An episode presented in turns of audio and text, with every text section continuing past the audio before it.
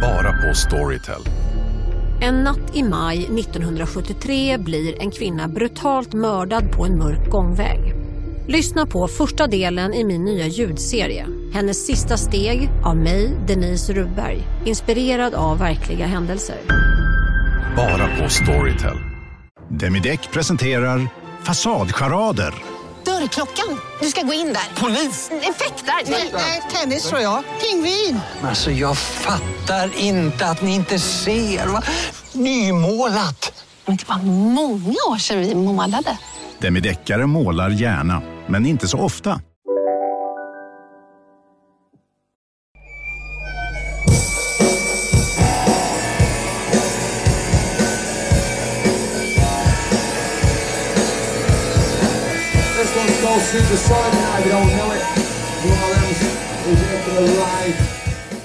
It's been an eventful week at England's Buckinghamshire training camp. Courtesy of the Joker Supreme, hyperactive Paul Gascoigne, this morning's final training session ended with laughter and smiles. The victim of the Gaza mimicry, a relaxed England coach Terry Venables.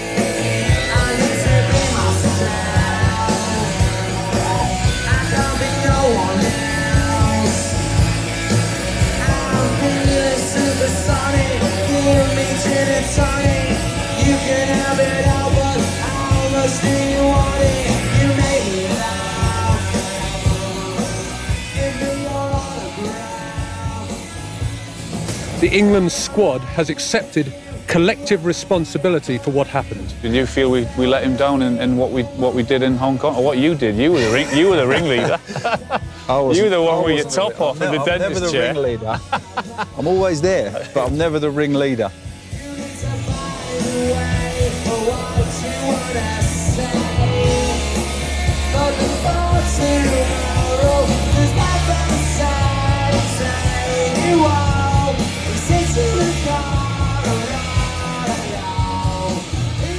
Jag har tidigare sagt att det finns tre olika sanningar.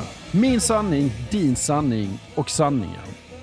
En sanning om EM i fotboll i England 1996 är att det var väldigt lite publik på de matcher där England inte spelade. Fotbollen var inte usel, men inte fantastisk heller. Bara två andra mästerskap har haft färre mål per match och den nya golden goal-regeln gjorde alla slutspelsmatcher väldigt försiktiga. Men det finns en annan sanning om EM 1996 också. Som Wayne Rooney sa många år senare. Det är som om England vann den turneringen när människor minns tillbaka. Ja, för att avkoda känslorna som mystifierat det här mästerskapet så tror jag att en rimlig utgångspunkt är att påstå att 1980 80-talet på väldigt många sätt var årtiondet som liksom aldrig tog slut i Storbritannien. Det hängde kvar, det fortsatte påverka människor långt in på 1990-talet. Det var fortfarande en nation som hukade i skuggan av sin egen imperialistiska historia. En nation färgad av lite sorg och lite skuld och som då hade gått igenom ett väldigt nedslående årtionde. 1980-talet var på många sätt decenniet där Storbritannien slets isär. Det var Falklandskriget, det var IRA-bomberna, det var thatcherismen och gruvstrejkerna och för den delen även läktartragedierna på Hazelstadion, i Bradford, på Hillsborough. Så en bra bit in på 1990-talet var alltjämt Storbritannien, England, en nation som behövde en ny energi, modernitet, delvis en ny identitet. Och även om det fanns tecken på att fotbollen skulle kunna hjälpa till med det här, så var det tecken i skymundan. Premier League hade sjösatts, absolut, men det där riktiga uppsvinget hade fortfarande inte kommit. Och minnet av VM 1990 och Gassas tårar, ja, det hade i hög utsträckning redan hunnit blekna bort i ljuset av ett katastrofalt EM 1992 och sedan ett ännu värre kvalspel till VM 1994 Det var ju då som England missade att kvala in till mästerskapet. Det var då som Graham Taylors primitiva långbollsgäng nästan blev en parodi på en brittisk fotboll som för evigt fastnat i sin egen kick and rush-gyttja. Och det kvalet avslutades ju, som ni kanske minns, med att England mötte San Marino inför tomma läktare i, jag tror det var Bologna matchen hade flyttats till. Och matchen rullar igång, ingen bryr sig, inget betyder någonting. Och sen tar det 8,3 sekunder och så har San Marino gjort mål på England. Det kunde knappast bli sämre. Det gick knappast att sjunka djupare för ett engelskt fotbollslandslag.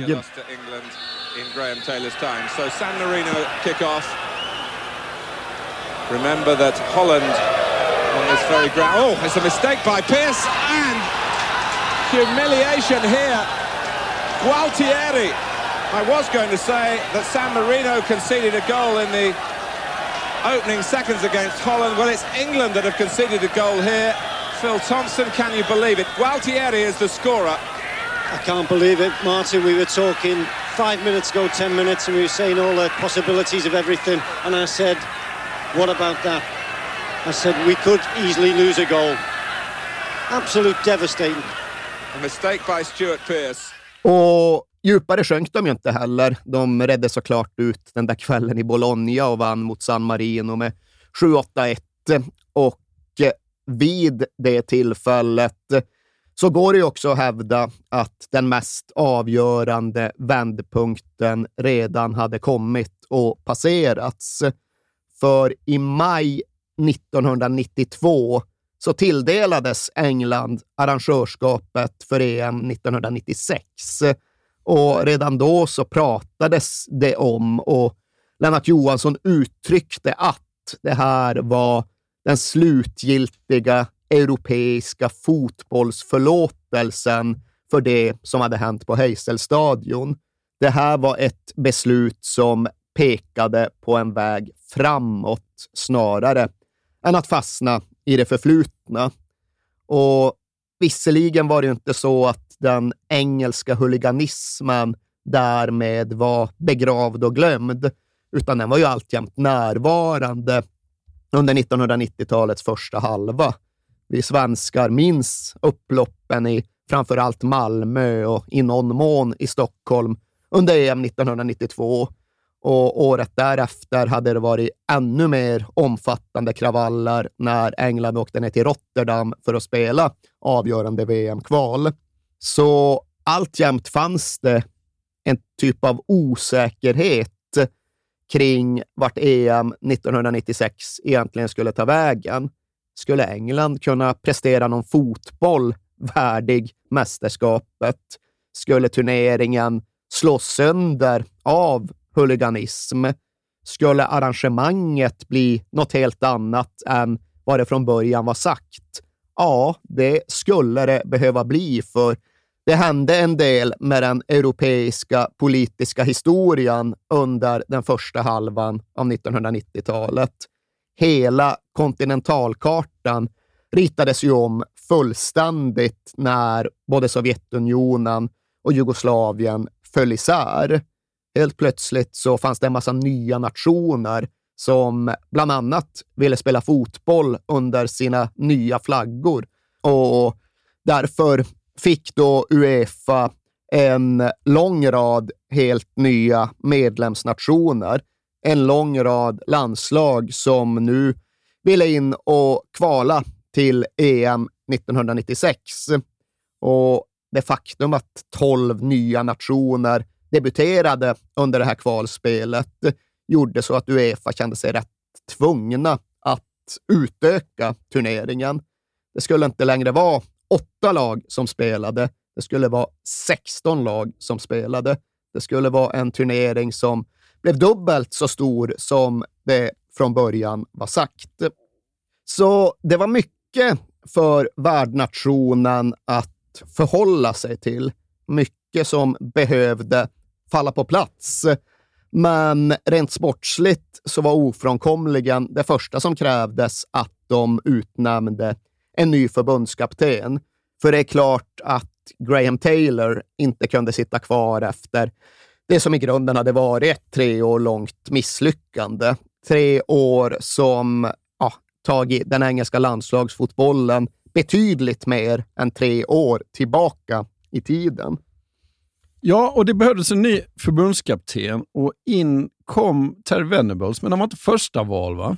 Nej, till en början så var ju tanken att Kevin Keegan skulle ta jobbet. Det var han som hade eh, lyckats skapa en helt ny entusiasm uppe i nordöst. Det var han som hade revitaliserat Newcastle och det framstod som väldigt tilltalande att han skulle upprepa tricket med England. Men Keegan strök sig själv hyfsat tidigt ur den där ekvationen och då var frågan vart blickarna skulle falla härnäst. Och de blickarna behövde väl i och för sig inte söka så där jättelänge, för samtidigt som Graham Taylors landslag släppte in mål efter åtta sekunder i San Marino satt Terry Venables i brittisk tv som expert och fällde omdömen om det sorgliga landslaget. Och ganska omedelbart så blev de flesta fotbollstyckare i England överens om att Venables vore det logiska valet.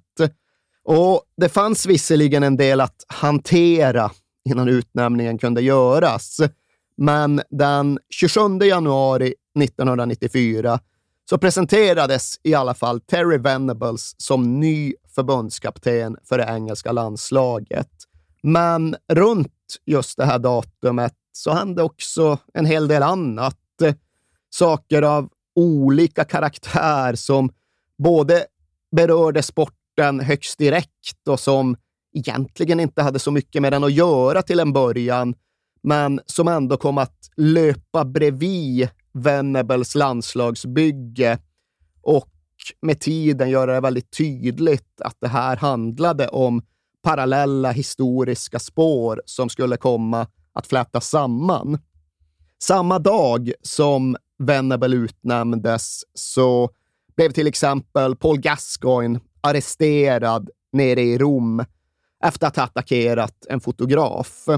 Och det var på ett sätt en ny typ av engelsk fotbollsspelare som skulle föra nationens fotboll in i en ny tid. Men på ett annat sätt så var det också en väldigt traditionell typ av brittisk fotbollsspelare med ganska exakt samma problem och brister som de dragits med i flera generationer. Och hela den diskussionen skulle sannoliken följa med Venables och hans landslag, men allt det skulle också komma att ackompanjeras av ett soundtrack. För dagen innan Venables lanserades och introducerades så hade det varit en speciell liten spelning i centrala London. Ett band som hette Oasis hade sitt allra första gig i huvudstaden på ett ställe som heter Water Rats på Grace Inn Road uppe vid Kings Cross. Och för övrigt där Dylan gjorde sin första Englandsspelning. Det var där Pogues gjorde sitt allra första gig en gång i tiden. Mm. Då hette stället något annat, men fortfarande igång. Anrik liten plats på musikkartan. Mm. Och där giggade alltså Oasis i januari 1994. Första gången de var i stan. Och även om det mest var tänkt som en branschspelning så stod det ju folk i kö längs kvarteret och där bortom för att här höll någonting på att hända. Och i When We Were Kings så har vi redan varit uppe i Manchester, i Manchester, mm. några år tidigare. Prata lite grann om sammansmältningen mellan fotboll och musik där uppe. Men nu höll hela den situationen då på att sprida sig från nordvästra England över hela Storbritannien och samtidigt även multipliceras i styrka och genomslag.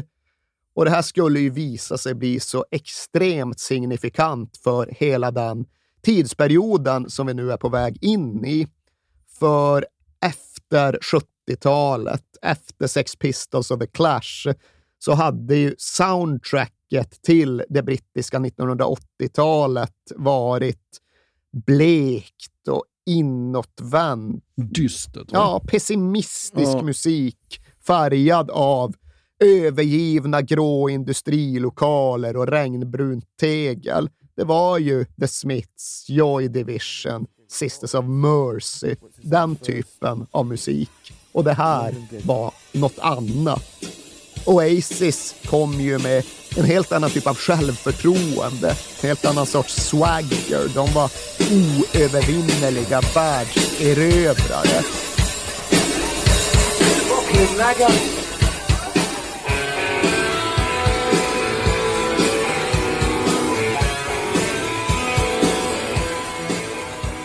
på samma sätt som England hade vunnit VM 30 år tidigare, mitt under den så kallade Swinging London-eran, mitt under perioden då The Mercy Sound spred sig över världen, så skulle England spela sitt hemma-EM under den tidsperiod som i efterhand kommit att sammanfattas som Cool Britannia. Men om vi ska gå tillbaka lite grann till Venables så var ju inte hans affärsliv helt vitt, va, om man säger så. Nej, det fanns som sagt en del att hantera innan han verkligen fick jobbet. För att Terry Venables, till att börja med, han var ju en pojke från East End, från Dagenham i London. En grabb som var ett av krigsbarnen, föddes mitt under andra världskrigets bombningar och som sedan fick hjälp av fotbollen för att ta sig fram genom livet. Han var från en väldigt fertil fotbollsmark. Dagenham, det var därifrån Jimmy Greaves kom. Det var därifrån Alf Ramsey kom. Och Alf Ramsey var ju då förbundskaptenen som ledde England till VM-guld 1966. Egentligen skulle Terry Venables ha varit med och bidragit där, för han fick plats i bruttotruppen till VM, men blev sen bortplockad precis innan turneringen skulle börja och fick aldrig den där riktiga kröningen på sin egen spelarkarriär. Istället blev det som manager han verkligen gjorde sig ett namn som inte bara gav eko i England, utan som faktiskt färdades ut över kontinenten. För i mitten av 1980-talet fick då Terry Venables lite oväntat och lite ologiskt kanske möjligheten att bli huvudtränare för FC Barcelona. Mm. Och han hade väl egentligen inte en meritlista som berättigade till det. Det är inte så att du idag får jobb i FC Barcelona efter att ha gjort det ganska bra i Queens Park Rangers. Nej, nej. Men det fick. Terry Venables i mitten av 1980-talet och han kom även att göra det helt okej i FC Barcelona. Det allra första han tvingades göra det var att sälja Diego Maradona. Ja. Det var liksom redan klappat och klart när han kom ner till Katalonien. Men därefter såg han ändå till att Barca vann ligan för första gången på mer än ett årtionde. Men du, ersätter han inte Maradona med Steve Archibald? Ja, det är två parallella spår, tror jag väl ändå. Men visst, han värvade en del brittiskt och Archibald kom ju in tidigt och sen kom Lineker och Mark Hughes. Och det där är ju absolut ett sätt att misstänkliggöra sig själv. Det är sånt som kan hållas emot en Mm. ifall inte fotbollen fungerar. Men som sagt, FC Barcelona vann ligan för första gången på länge och Venables tog dem hela vägen till Europacupfinalen. Det var ju han som coachade laget under den där vändningen mot Blåvitt Just det. 1986. Men sen föll ju katalanerna på straffar mot Ducadam Steaua Bukarest i finalen. Och när sen Barcelona gick och åkte ur Uefa-cupen mot Dundee United året därefter, ja, då var det inte speciellt lång tid kvar för Venables där nere. Men ändå helt okej jobb. Naturligtvis en utflykt som främjade Karns rykte och som bidrog till att han framstod som ett ganska självklart namn att bli förbundskapten 1994. Det som talade emot det var ju allt det där andra Ja. som hade hänt sen han kom tillbaka till England. Allt det där som gjorde att han uppfattades som någon typ av klippare snarare än bara en fotbollstränare. Alltså när jag läste om det kändes som, fan han är en jävla nasare liksom. Ja, alltså det finns ju en nasartradition i East End. Det finns liksom en cockney-kliché om grabben från stans östra delar som alltid letar efter en bra deal, Ja. som alltid letar efter ett sätt att stoppa lite extra pengar i sin egen bakficka och lite mindre pengar i Skatteverkets kista. Och i exakt den där kategorin kom ju Terry Venables att sorteras in. Och kanske inte så konstigt, för innan han blev förbundskapten för England så jobbade han ju i Tottenham. Och det är svårt att säga exakt hur han ska tituleras i Spurs, för han var ju då manager och vd och ägare för klubben i stort sett alltihopa på samma gång. Ja. Och det var ju en konsekvens av att han hade sett möjligheterna till ett klipp. Tottenham hade börsnoterats, det var nya tider, det var kris i kassan och helt plötsligt så fixade han ihop ett konsortium tillsammans med en annan klippare från östra London som hette Alan Sugar. Och så hade tränaren gått och köpt klubben och tränaren hade gått och blivit ägare. Och tränaren kom i förlängningen och blev vd som därefter lyckades göra sig ovän med ordföranden, Ja. då affärspartnern Alan Sugar. Och där slutade hans tid i Tottenham. Han blev ju i stort sett utkickad av Alan Sugar efter att han förlorade den där maktkampen. Och han blev ju utkickad under ett moln av anklagelser. Det hette att han hade liksom kommit överens med Brian Clough om hur alla pengar skulle gå under bordet när Spurs köpte Teddy Sheringham från Nottingham. Och det fanns en massa sådana uppgifter och vittnesmål om hur Venables helt enkelt skulle ha drivit på en typ av mutkultur i både Tottenham specifikt och den engelska fotbollen generellt. Och det stannade ju inte där, utan det var ju nattklubbar och det var liksom affärer till vänster och uppgörelser till höger. Och det gick inte många månader från det att Venables hade åkt ut från Tottenham tills det började komma tv-dokumentärer som misstänkliggjorde honom ytterligare. Och helt plötsligt så visar det sig att ja, alltså, han är ju under utredning för flera bedrägerier. Han hade både rotlar och departement och skatteverk och Scotland Yard efter sig. Och det var då precis under samma tidsperiod som England ville göra honom till förbundskapten. Men ett rätt traditionstyngt engelskt fotbollsförbund samtidigt var lite bekymrat kring Karns rykte. Och det var ju verkligen inte särskilt egendomligt. Nej. Det här är en svårbemästrad situation som till och med kom upp i det brittiska parlamentet. Det var en Labour-ledamot där som hette Kate Hoey som verkligen stod i parlamentssalen och pläderade för att den här skojaren såklart inte kunde bli mannen som skulle leda England i ett hemmamästerskap. Men som vi alla vet, när fotbollen kallar, ja då får ibland moralen stå åt sidan. Och när nu England behövde en coach som minsann hade varit i Barcelona, som hade vunnit FA-cupen i Spurs och som kunde hantera Gassa, ja, då fick det bli Terry Venables anklagelser och utredningar, eller ej.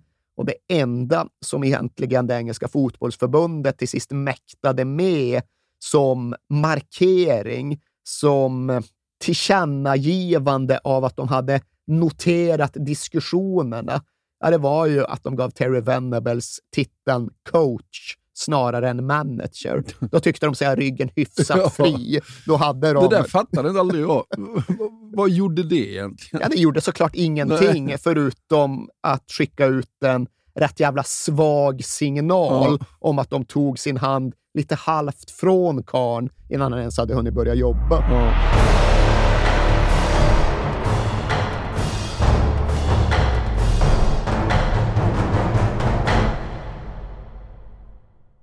Vi fortsätter med vårt stora 90-årsfirande, Alex. Ja, precis. Själva födelsedagen för Stryktipset är ju i oktober, men det här är liksom det är förfesten. Ja, för vi är ju sponsrade av Stryktipset. Ett spel från Svenska Spel, Sport och Casino för dig över 18 år. Vi är ju det och uh, har du problem med ditt spelande så finns stödlinjen.se där för dig.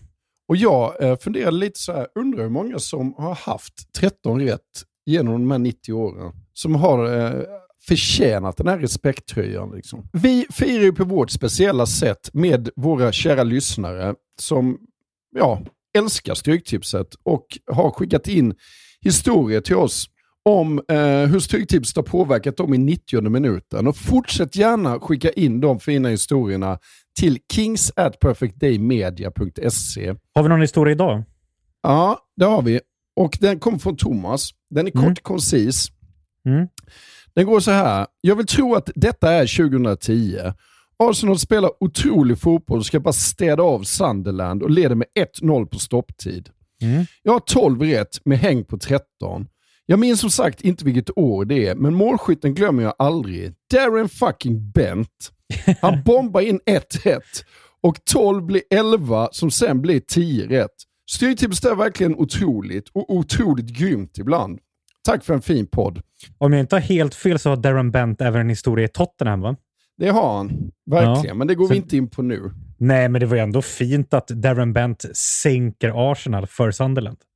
Ja, det får man ändå säga. Men vi säger stort tack till Thomas och vi säger stort tack till våra vänner på Stryktipset.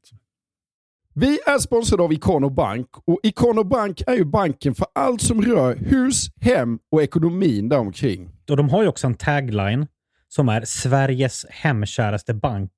Är inte det exakt det man är ute efter när man söker efter en bank?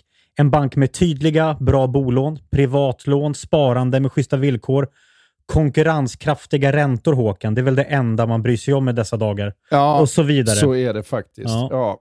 Och de har ju faktiskt rätt att kalla sig Sveriges hemkäraste bank därför att Ikano Bank startades av grundaren till Ikea. Precis. Och om inte det är hemkärt så kan man verkligen fråga sig vad hemkärt det är. Ikano Bank har precis släppt en större rapport som heter Tre dimensioner av rikare boende. Där man undersökt och presenterat statistik kring vad svenskarna värdesätter med sitt boende. Och deras första undersökning visar ju någonting ganska häpnadsväckande. Eller hur? Det gör ju det. Kan du, kan du berätta? Ja, den visar ju att trots det höga ränteläget så har mindre än hälften av svenskarna vidtagit någon form av åtgärder det senaste året för att förbättra sin boendeekonomi. Ja, det låter ju inte så bra kanske. Nej, det gör du verkligen inte. För att undersökningen genomfördes i augusti och det är bara 45% som har gjort det. Och av dessa har endast 16% av bostadsägarna förhandlat om lägre ränta. Mm. Många verkar ha en uppfattning om att det är jobbigt och krångligt att byta bank, vilket det inte är.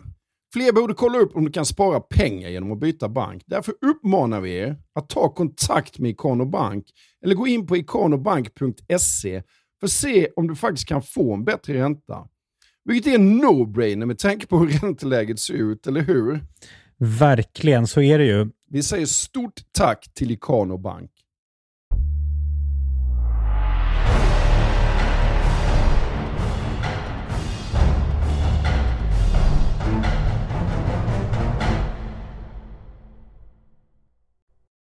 Men innan vi sjunker ner totalt i Britpopen här så måste vi snacka lite mer Venables va?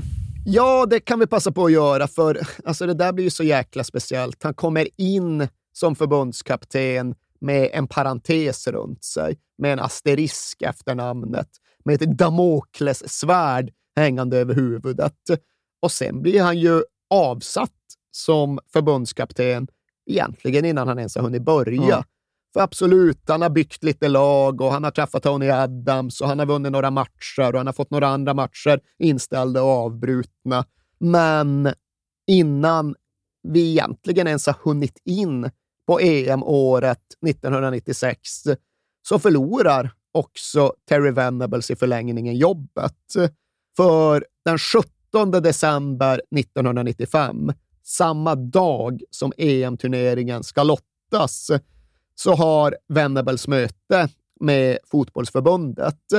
Och där är diskussionen den som gäller hans kontrakt. Det är skrivet över EM. Vad kommer hända sen? Kommer kontraktet förlängas? Ja, men då är det dags att göra det nu, tycker Venables. Förbundet, äh, de är defensiva. Det är tveksamt, det är avvaktande. Det är alla de här invändningarna mot de processer som alltjämt pågår runt Venables. Och det är till slut en typ av erbjudande som inte är ett erbjudande. Ja, men vi gör så att vi väntar in EM och så ser vi hur det går och så ser vi hur vi gör därefter. Och det tycker Venables inte alls låter något vidare. I don't do auditions, som Ja. han själv säger. Och där stängs egentligen den diskussionen. Där kommer parterna överens om, ifall vi nu ska uttrycka oss så, att gå skilda vägar efter EM. Och det innebär då att Terry Venables går in till EM-lottningen och vet redan där att han är på väg ut som förbundskapten. Det är väldigt märkligt. Ja, det blir ju Ja, konstigt. ja. Det blir konstigt under hela den vår som sen leder in till EM-turneringen. För Venables auktoritet, ja, den kanske undermineras i vissa ögon. Det blir ju i alla fall fullt med spekulationer om vem som ska bli hans efterträdare och det blir ju även flera framstötar mot olika tränare runt om i Storbritannien. Alex Ferguson är den som får första frågan, men Alex Ferguson är skotte. Ja. Han är väldigt mycket skotte och det gör ju att han mest bara skrattar när det engelska fotbollsförbundet kommer. Men ja, ett bra tag innan det är dags att spela något EM så blir det ju både överenskommet och eh, offentliggjort att Glenn Hoddle ska bli Englands förbundskapten efter EM.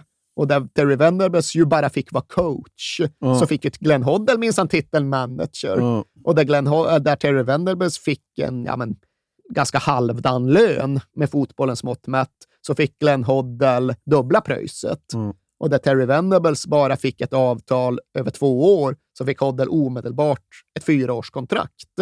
Och när Hoddle sen började liksom sniffa runt landslagssamlingarna så går det ju att förstå att Venables kände att det här är inte optimalt. Nej.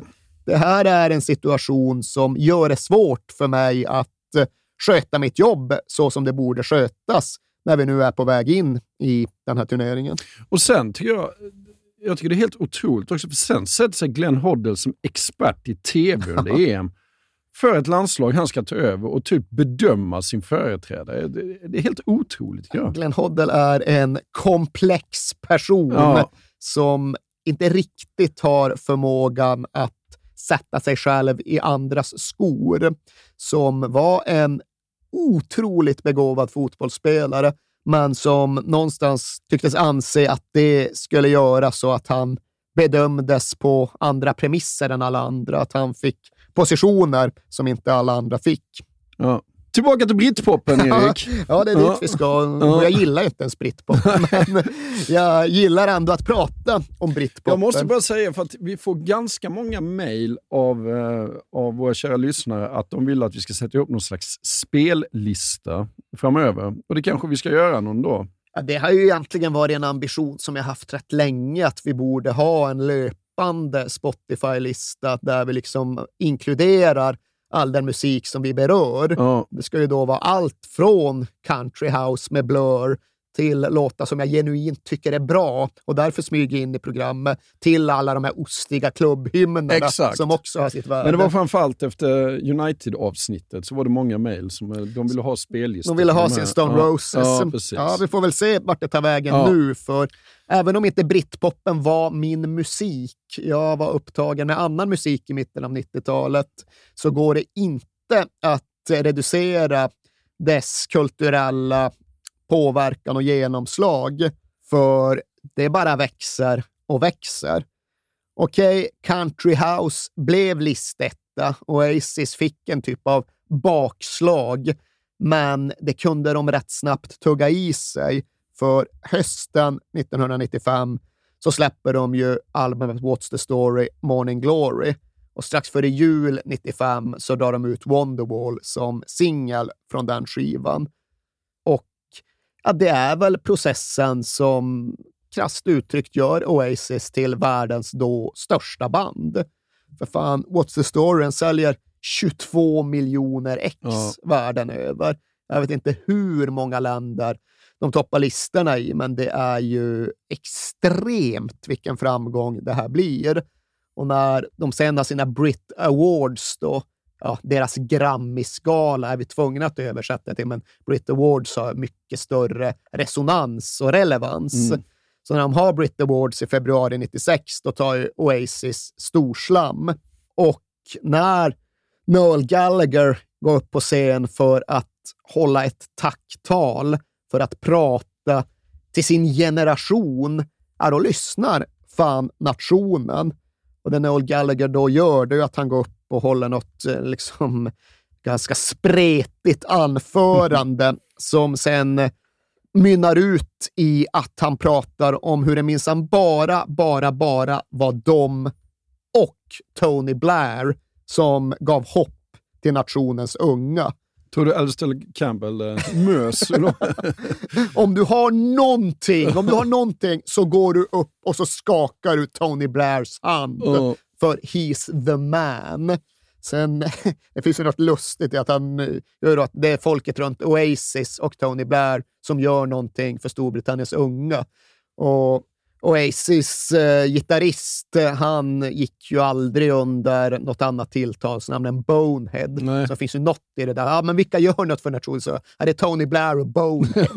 det är de som liksom gör någon Ja. nytta Ja. i det här sammanhanget.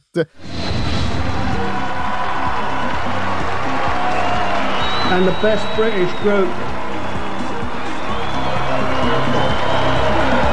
is Oasis.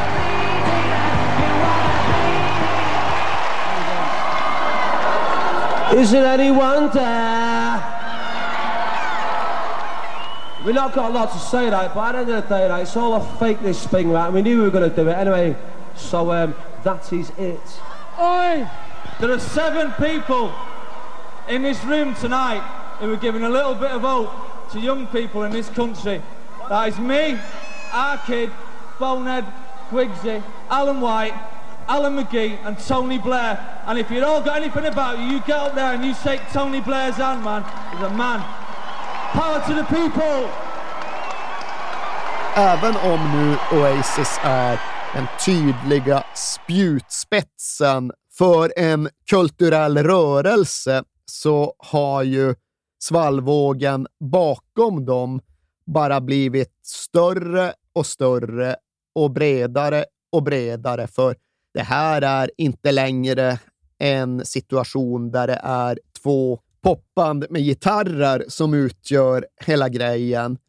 Utan det här är en tid då Storbritannien bokstavligt talat återtar positionen som hela världens popkulturella centrum. Och det erkänner och accepterar de någonstans, till och med borta i USA. För under 1996 så gör till exempel Newsweek ett nummer där omslaget bara består av parollen London rules inside the world's coolest city.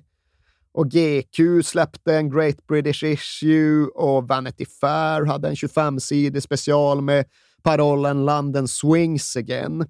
Och det var som sagt inte bara Oasis och Blur, utan bakom dem fanns ju hela den stora britpoprörelsen med Pulp och Suede och 25 andra band med internationellt genomslag. Och vid sidan av detta, ja, det fanns den elektroniska musiken, Prodigy med Firestarter, Chemical Brothers, det som ja, men i någon form var resterna av acid house-scenen från skarven mellan 1980 och 1990-talet. Och ah, bortanför musiken är det bara att fortsätta. Det var ju precis den tiden då Trainspotting spelades Just in det. och gav globalt eko. Trainspotting som på ett sätt avlöste alla de här Hugh Grant-filmerna som också kom under mitten av 90-talet och tog Storbritannien ut över världen. Fan vad bra Trainspotting var. Jag tror du säger fan vad bra Hugh Grant-filmerna var. men Trainspotting var, det var ju liksom, det var någon slags uppvaknande nästan. Ja, nej, men just den där typen av popkulturell bomb Ja. som faktiskt innebär att saker och ting förändras. Och det var väl kanske inte Hugh Grant-filmerna, men det var de det var på ett sätt också litteraturen som kom från England under den här tiden. Alex Garland släppte The Beach. Kanske inte är min favoritbok, men någon typ av generationsroman för backpackers. Nick Hornby skrev High Fidelity. det. Och det är fan en av mina favoritböcker. Ja. Följde då på Fever Pitch och även här var det ja, men musik, ena boken, fotboll, andra boken. Allt hänger ihop. Jag Men- min fru bodde i London under den här tiden och jag pratade med henne för när vi skulle spela in det här programmet. Och hon skrev under på att det kändes som att man levde verkligen i världens coolaste stad. Så får jag, ja, men vilken musik lyssnar på? Så här, ja, men det var rätt mycket All Saints. Och sånt. Man bara, mm. Ja, va? Ja. Det går att eh, leva något och ändå missa Ja. det på något sätt. Men alltså musik, konst, film, tv, humor, litteratur, mat, mode, Kate Moss och hennes modellande. Och liksom någonting som också var jävligt betydelsefullt här, det var ju att hela den här vågen på väldigt olika sätt ändå var väldigt typiskt brittisk.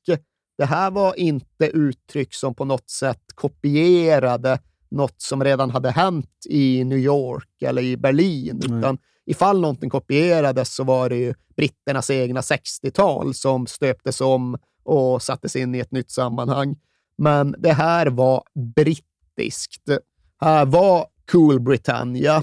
Det här var på så sätt också en tid då nationen på något sätt reclaimade all den här symboliken runt Union Jack-flaggan, färgerna, flaggorna. För fram till och med den här perioden så hade ju den flaggan kommit att förknippas med ja, men Combat 18-folket som stod på en läktare i Dublin och sjöng No Surrender to the IRA. Ja. Det hade varit de som stod bakom Union Jack-flaggan i 20 års tid.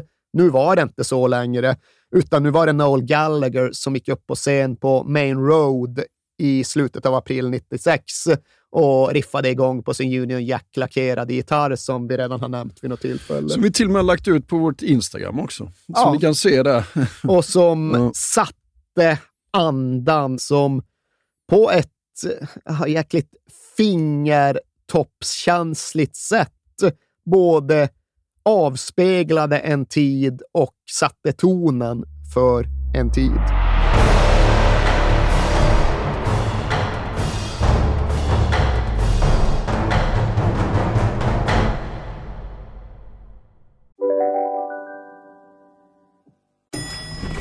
Nej. Dåliga vibrationer är att gå utan byxor till jobbet. Bra vibrationer är när du inser att mobilen är i bröstfickan. Alla abonnemang för 20 kronor i månaden i fyra månader. Vimla! Mobiloperatören med bra vibrationer. Om en så vidde på väg till dig för att du råkar ljuga från kollega om att du också hade en och och innan du visste ordet av bjöd du hem kollegan på middag och... Då finns det flera smarta sätt att beställa hem din sous vide på. Som till våra paketboxar till exempel. Hälsningar Postnord. Det där var för att uppmärksamma er på att McDonalds nu ger fina deals i sin app till alla som slänger sin takeaway förpackning på rätt ställe. Även om skräpet kommer från andra snabbmatsrestauranger som exempelvis Ma... Eller till exempel Burger...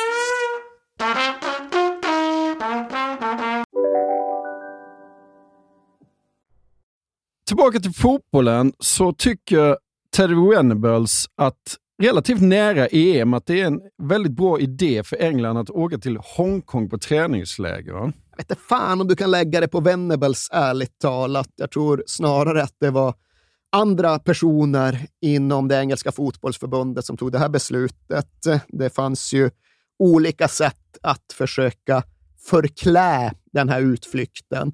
Det hette att ja, men det här är ju året innan Hongkong går över från brittisk till Ja, kinesiskt det. styre och därför är det liksom diplomatiskt viktigt att signalera med den här resan. Och sen hette det också att ja, men det är bra att komma bort från England och skärma av sig själva från hypen så här veckorna för EM. Och därutöver hette det också att ja, men det är viktigt att inte spela inom räckhåll för England. För tänk om det blir Combat 18 och Dublin en gång till och stora Ja. huliganupplopp. Kanske vi inte ens kan genomföra turneringen. Så det fanns en massa svepskäl, men det det var var att de fick asmycket pengar för att alldeles innan turneringen dra iväg till Asien och spela lite fotboll i kombination med annat. Och Det är mycket som händer under kort tid. Där. Allting följer på vartannat. Den 11 maj var fa Cup-finalen med The Spice Boys. Då.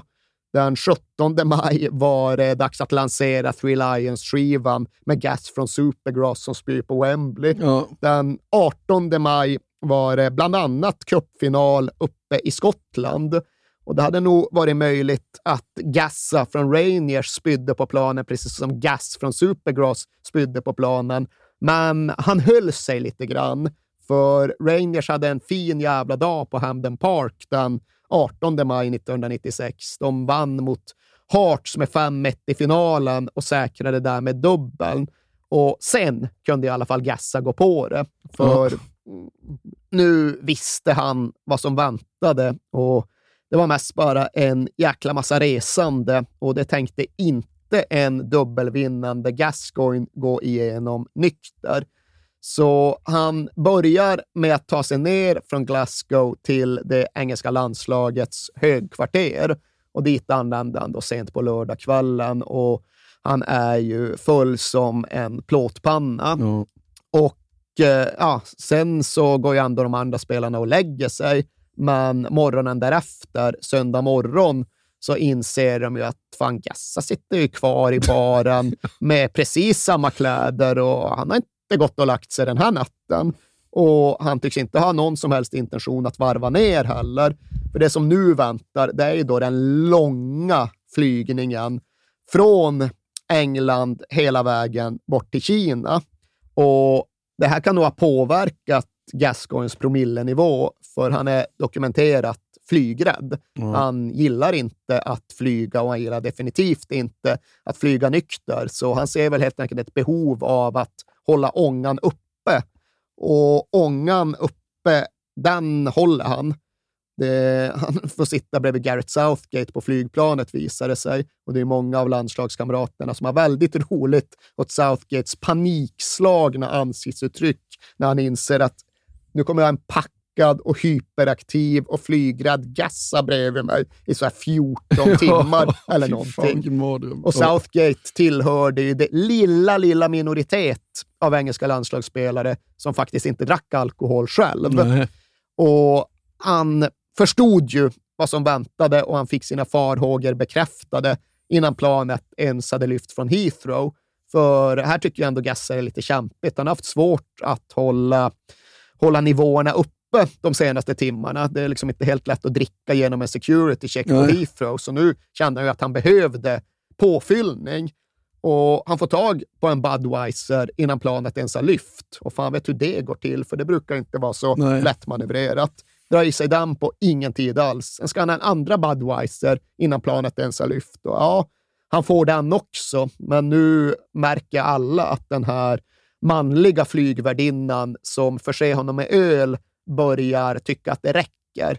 Killen är störig, han behöver jobba, han behöver sköta sin security check och liksom säga åt folk att eh, de ska följa evakueringsinstruktionerna och allt det där. Men Gassa släpper ju inte greppet om honom. Han kan inte låta någonting stänga sin Budweiser-kran. Så han liksom drar ju den där flygvärdinnan i jackan. Han liksom försöker få hans uppmärksamhet på alla sätt och vis. Och till sist så står han vid någon eh, stolsrör lite längre fram och ger någon instruktion. Då Gassa helt enkelt bara grabbar tag i röven på honom Ja. och liksom förklarar att han vill Budweiser. Och då ska den här flygkillen bara vända sig om, kolla på Gassa, boom, rak höger i nyllet Ja, på honom. Bra gjort. Ja, jag. det var väl Ja. fan på sin Ja. plats. Och det tyckte ju de flesta engelska spelare var helt hysteriskt roligt. Ja. Men Gassa, med sin emotionella kontroll, han liksom började ju gråta. Liksom. Han tycker att, ja, jag vet inte vad han tycker, men han är rätt långt bortom kontroll. Och De har då en flygrutt som innebär att de först går ner på Kastrup i Köpenhamn bara för att ta sats för den långa flygningen. Ja. Och redan där är de ju inne på att kasta av Gassa från planet. Ledarna liksom lyckas lugna ner, men han, han kommer somna snart. Liksom. Det här ordnar sig. Vi, vi sköter det. Okej, då upp i luften igen. Gassa fortsätter precis på samma sätt. Han ska ha Budweiser, han ska gråta, han ska supa. Och flygplanspersonalen börjar på allvar fundera på att gå ner i Moskva Ja. för att släppa av honom. Men då är det någonting med ordet Moskva som når fram till Gassa. Det tycker han låter så satans läskigt. Ja. Moskva, ryssar, ensam i Ryssland, dit vill inte Gassa. Nej. Så då lyckas han på något sätt ändå lugna ner sig själv. Men det där var ju en föraning om vad som skulle följa på den här turnén till Kina och till Hongkong, där det visserligen spelas lite fotboll. De har en träningslandskamp mot det kinesiska landslaget som de vinner med 3-0. Och därefter har de någon oerhört egendomlig inofficiell landskamp mot The Golden Select Eleven i Hongkong som de backar sig igenom också vinner med 1-0. Men allt det där är ju bisaker, för det den här trippen kommer att kretsa kring, det är ju utgången som följer på den här matchen i Hongkong. Ja, för att sista kvällen så tycker Venables att eh, nu får grabbarna ha en frikväll to let their hair down. Va? Det är exakt den formuleringen som Ja. används. Och eh, för att liksom, det här tycker jag är väldigt roligt, för att eh, försäkra sig om att, det, att med, spelarna ska sköta sig så skickar han med Brian Robson som, som förkläde. Ja, han har ju då en roll i staben. Han Ja. ingår ju i ledargruppen och Venables tanke är väl någonstans att ja, men Brian Robson, han har sett en bar förr. Ja. Han vet hur det funkar där ute och han har både status och pondus nog för att hålla gänget i schack. Men det är ju en skillnad på att skicka iväg ett gäng brittiska fotbollsspelare på en frikväll för att let their hair down och att skicka iväg ett gäng brittiska fotbollsspelare anförda av en födelsedagsfirande Paul Gascoigne. Han förflyttar målställningen genom sin blotta närvaro och sin blotta personlighet. Han går ju inte med på att det här ska vara någon insats på kvartsfart, Nej. utan de som ska med, de ska med på riktigt. Och det inser ju även landslagsspelarna själva att okej, det här kommer att bli någon typ av holmgång. Är vi, är vi beredda på detta? Och det, liksom, det hela föregås ju av samma typ av resonemang som ifall det är någon som ska dra med ett gäng ut på någon riktigt strapatsrik och lite farlig naturexpedition. Liksom, can you really handle this? Ja. Är det här en bra idé? Och olika personer tar ju olika beslut. Tony Adams, han har ju känt sig nödgad att resonera annorlunda.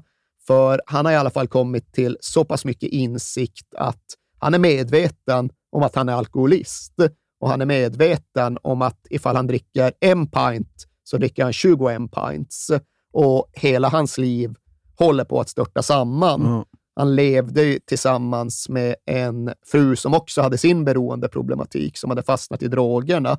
Men hon hade kommit lite längre. Hon hade både lämnat Adams och checkat in på en rehabklinik, så hans privatliv var ju vacklande. Men Adams hade någonstans bestämt sig för att skjuta allt framför sig, för han brydde sig så jävla mycket om EM 96. Ja. Han ville verkligen prestera och bidra där. Så trots sin alkoholism så hade han faktiskt, eh, ja men, jag vet inte om man ska säga karaktärsstyrka, det kanske är fel ord att använda, men han hade i alla fall övertygelse nog för att helt enkelt bestämma sig några veckor tidigare att nej, nu slutar jag dricka Ja. så länge den här turneringen pågår. Så han är helt nykter, både på flygresan och under den här kvällen. Jag, jag hörde någon intervju med honom och han sa liksom, hade jag tagit ett glas där så hade jag missat det igen. Ja, och det är Ja. nog fullständigt, fullständigt sant. Och han liksom tvingade ju verkligen sig själv att eh, isolera. Han låste ju in sig på femtonde våningen för att verkligen försäkra sig om att han inte skulle ryckas med av gänget Ja. när det drog förbi. Och Tony Adams var ju ja, han var en av två kaptener kan man säga. Egentligen var David Platt kapten från början, men Platt hade inte längre någon självklar plats i startelvan. Så det där var en fråga som inte hängde över gruppen. Vem är egentligen kapten? Men Platt tog i alla fall någon typ av ansvar, för han gick runt till truppens yngre spelare och sa, som de uttryckte This could be one to miss, Ja, lads. Ja. Och det var väl brorsorna Neville och Nicky Barmby och kanske någon till som ja, men helt enkelt bedömdes som för oerfarna, för sårbara för att klara av den här utgången. Men de allra flesta hoppade ju på Gassa-expressen. De allra flesta hakade på ut i Hongkongs nattliv och det var ju The Lads som anförde styrkorna. Det var Gassa, men det var även Fowler och McManaman och Ince och Sheringham och för den delen Dennis Wise som fortfarande var med i bruttotruppen. Och med Brian Robson i släptåg då, så drog de iväg till en klubb som hette China Jump. Och med någon form av utomstående ögon så går det väl att hävda att kvällen urartade ganska snabbt. För det som blir en typ av utlös... Det är bara en fråga om vad Gassa ska göra och när han ska göra det. Ja. Men han börjar ju tydligen käbbla kärvänligt med Robbie Fowler vid bardisken. För han tycker att Fowler har för dåliga raggningslines. Ja. Och när de har börjat käbbla, ja, då börjar de skojbrottas. Och när de börjar skojbrottas, ja, då leder det ena till det andra. Det innebar att deras skjortor och t-shirts slet sönder. Gassa hällde en pint över huvudet på Fowler och sen tyckte han att okej, men nu är temat för kvällen satt. Här står vi med sönderslitna skjortor och Robbie Fowler har fått en pint över huvudet. Så nu ska alla ha sönderslitna skjortor och alla ska ha en pint över huvudet. Ja. Och ja, det blev temat för den nästkommande timmen eller så. De jagar runt varandra inne på China Jump för att slita sönder varandras kläder och hälla öl över varandras huvuden. Och de hade ju mycket roligt åt att de även drog in Brian Robson då i detta. Ja, Gassa slet sönder hans tröja också. Slet sönder Ja. hans designskjorta, Ja. vilket om jag förstår saken rätt innebar att Robson sen körde resten av kvällen utan skjorta, men bara en fluga. Han gled runt med enbart en fluga och bara överkropp. Och sen var tydligen det ett ställe där det fanns boxningshandskar bakom bardisken, gick att låna och det hade väl sina nackdelar. Men det var ändå inte boxningshandskarna som var det mest problematiska attributet, den mest problematiska inventarien, utan det var ju tandläkarstolen. Och ja, vad var tandläkarstolen? Det är du väl förtrogen med. Nej, men det var väl att man skulle, man lägger ju sig ner och ligger liksom i, i, i horisontalläge och sen så häller de två spritflaskor i, i munnen på dig under en, under en tid. Liksom. Ja, och det var tequila och vodka. Ja. Det fanns inga val. Det var liksom det som skedde. Ja. Man la sig där så fick man tequila och vodka insprutat i munnen. Sen fanns det någon stor jävla skål med bål också Ja. vid någon annan del av baren som de också tog för sig av. Men grejen är ju här också att trots eh, sönderslitna kläder, trots 100 pints över 100 huvuden, trots tandläkarstolen och ett jävla tumult, så lyckas ju Brian Robson i sina egna ögon hålla sin del av avtalet. Han hade lovat Terry Venables att ja, men halv tre på morgonen, då ska spelarna vara tillbaka på hotellet. Och det lyckades han uppnå. Och så som både han och de flesta inblandade beskriver det, så ser de ju inte den här kvällen som något särskilt när Nej. de går och lägger sig. Det var en utekväll. We let our hair down. Men det var väl inte mer med det.